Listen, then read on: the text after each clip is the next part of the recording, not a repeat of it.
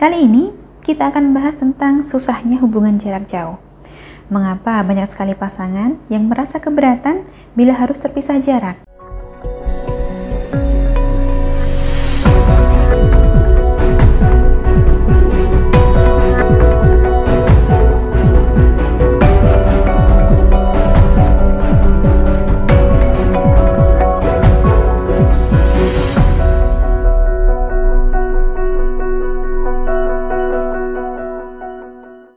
Salam Rahayu, kembali lagi dengan saya Dewi Sundari. Apa kabar Anda?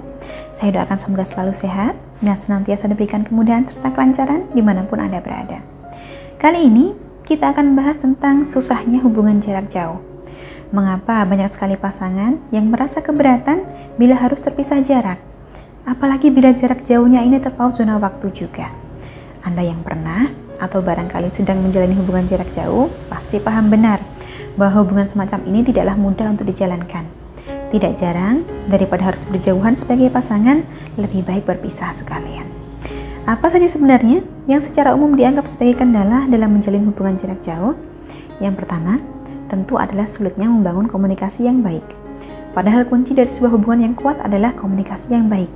Dan yang namanya komunikasi tentu akan lebih baik bila dilakukan secara langsung. Zaman sekarang mestinya memang sudah tidak menjadi soal, karena ada teknologi yang menjembatani. Tetapi kenyataannya, komunikasi jarak jauh ini malah berdampak pada salah paham. Sebab apa yang kita ucapkan secara lisan dan tatap muka belum tentu akan sama kedengarannya bila kita tuliskan lewat pesan singkat. Apalagi jika pasangan Anda ada di daerah terpencil, sinyalnya jarang-jarang ada dan terpisah zona waktu pula.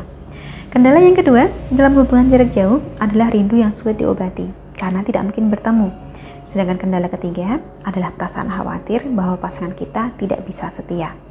Dalam menjalin sebuah hubungan, rasa percaya itu wajib ada. Tapi bagaimana kita bisa sepenuhnya percaya bila pasangan tinggal nun jauh di sana?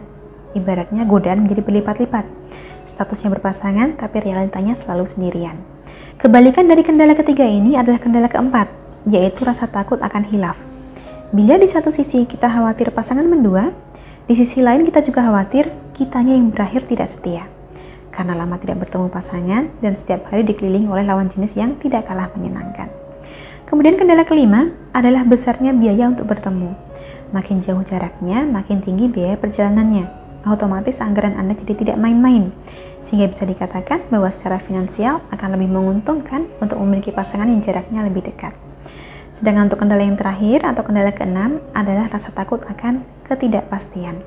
Kapan bisa bersama lagi? Sampai kapan akan bertahan dalam kondisi ini? Hubungan ini mau dibawa ke mana? Bila tidak ada batasan pasti tentang sampai kapan akan berjauhan, tentunya hubungan jarak jauh menjadi sulit dilakukan. Keenam kendala inilah yang umumnya menyebabkan orang enggan berhubungan jarak jauh.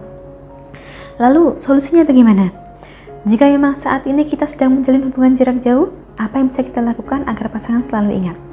Agar tumbuh rasa rindu dalam hatinya dan tidak berpaling ataupun mendua. Solusi yang pertama tentu saja menjaga komunikasi dan mengupayakan agar jangan sampai terjadi pertengkaran ataupun kesalahpahaman.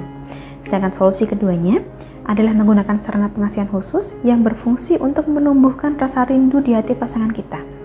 Dalam hal ini, sarana yang cocok untuk Anda pergunakan adalah bulu perindu Sukmaratu. Bulu perindu Sukmaratu adalah sarana pengasihan yang berwujud sepasang bulu yang nantinya akan diritualkan dulu sesuai nama dan foto Anda berdua bila perlu. Cara pakainya cukup disimpan saja sambil baca doa. Jadi praktis, Anda tidak perlu puasa. Dengan menggunakan bulu perindu, harapannya kekasih kita selalu ingat, selalu sayang, selalu rindu, meskipun ada jarak ruang yang memisahkan. Bila Anda tertarik menggunakan bulu perindu Sukmaratu, boleh hubungi nomor yang tertera di layar. Perkenalkan diri Anda, sampaikan keinginan Anda untuk mendapatkan bulu perindu agar pasangan selalu setia, untuk proses selanjutnya akan kami pandu sebaik mungkin. Kurang lebihnya dari saya cukup sekian. Terima kasih banyak telah menyaksikan. Untuk Anda yang sedang menjalani hubungan jarak jauh, semoga senantiasa langgeng dan harmonis. Sampai jumpa di kesempatan selanjutnya dan salam rahayu.